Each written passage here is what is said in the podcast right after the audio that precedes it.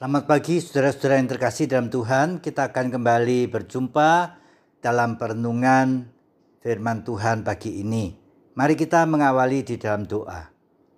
Bapa terima kasih untuk kasih dan kemurahan Tuhan yang boleh kami alami setiap hari bahkan setiap saat. Kami kembali ingin membaca dan merenungkan firman Tuhan. Kiranya Roh Kudus menolong kami sehingga kami dimampukan memahami dan melakukan dalam hidup ini. Di dalam nama Yesus Tuhan kami, kami berdoa. Amin.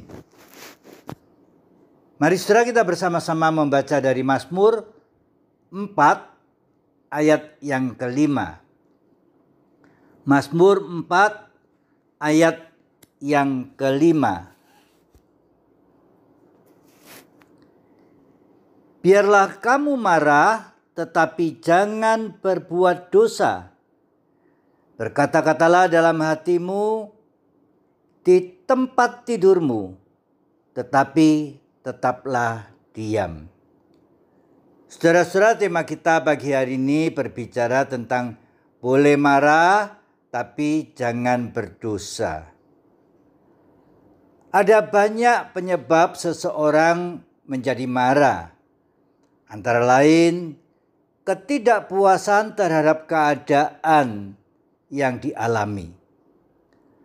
Karena perlakuan orang lain yang tidak mengenakkan, yang kasar. Karena bencana, sakit penyakit, dan musibah.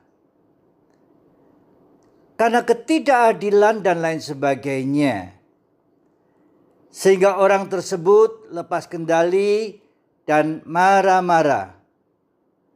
Daud pun punya pengalaman yang tidak menyenangkan terhadap orang-orang di sekitarnya.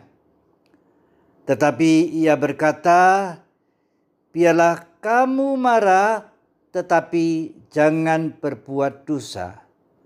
Secara tentu ada alasannya. Yang pertama, Daud mengajak merenung dan berpikir pada ayat 5 dikatakan Kata berkatalah dalam hatimu di tempat tidurmu. Kata-kata ini mengajak Daud untuk refleksi diri. Apa toh yang terjadi? Mengapa saya sulit untuk menerima keadaan atau situasi ini? Mengapa saya sampai marah?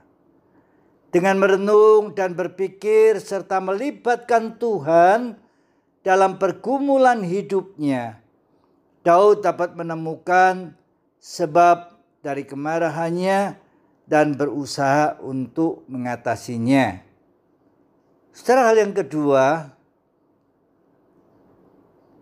mengendalikan diri. Dalam kitab Yesaya 30 ayat 15 dikatakan dalam tinggal tenang dan percaya terletak kekuatanmu. Tenang atau diam dapat meredam emosi atau amarah. Kalau sedang marah, banyak bicara, kata-kata kita bisa kasar, bisa menusuk, bisa menyakiti, bisa melukai orang, dan bisa juga menyebabkan kita berdosa. Itulah sebabnya Daud berkata, "Berkatalah dalam hatimu di tempat tidurmu, tetapi tetaplah diam." Dengan menahan diri dan tenang, maka Daud dapat meredakan amarahnya Hal yang ketiga yaitu untuk menjaga kesehatan. Marah dapat memicu kerja jantung lebih cepat dan berdampak pada tekanan darah seseorang. Juga bisa menyebabkan pusing-pusing dan mengganggu fungsi pencernaan dan lain sebagainya. Juga berdampak pada rusaknya hubungan sosial antar sesama dan orang-orang dekat maupun keluarga sendiri. Tetapi orang yang bisa menjaga dan menahan amarahnya, ia sama dengan orang yang sedang merawat kesehatannya, menjaganya dengan baik. Pandemi COVID sudah cukup memunculkan banyak masalah. Marilah dalam minggu Paskah ini kita memandang pada Kristus yang bangkit dan menang. Karena di dalam Kristus kita adalah ciptaan yang baru. Kiranya Tuhan menolong dan memberkati kita. Amin. Mari saudara kita bersama-sama berdoa. Bapa, terima kasih jikalau engkau mengajar kami untuk boleh senantiasa belajar, mentaati, dan melakukan firman Tuhan. Terima kasih di tengah-tengah situasi apa pun engkau hadir bagi kami. Saat ini kami ingin berdoa untuk bencana alam baik di NTT maupun di Malang sekitar dan juga di daerah-daerah yang lain. Tuhan kiranya Engkau menolong dan menyertai baik lewat pemerintah maupun lewat lembaga sosial bahkan gereja untuk boleh memiliki kepedulian di dalam turut merasakan apa yang sedang dialami saudara-saudara kami. Kami ingin berdoa untuk kesehatan kami masing-masing. Tuhan karuniakan kami kesehatan. Terlebih lagi supaya kami boleh menjaga dan merawat tubuh ini dengan baik lewat menjaga emosi kami masing-masing.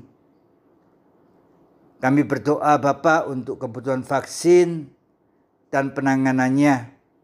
Di tengah-tengah meledaknya apa yang terjadi lewat virus corona ini. Baik di negara ini maupun di negara-negara yang lain, kebutuhan vaksin sangat sulit. Bapak kami mohon Tuhan kiranya terus menyertai bangsa ini, memberikan kekuatan untuk boleh melangkah dalam kebersamaan. Terima kasih Bapak di dalam nama Yesus Tuhan kami, kami berdoa dan bermohon. Amin.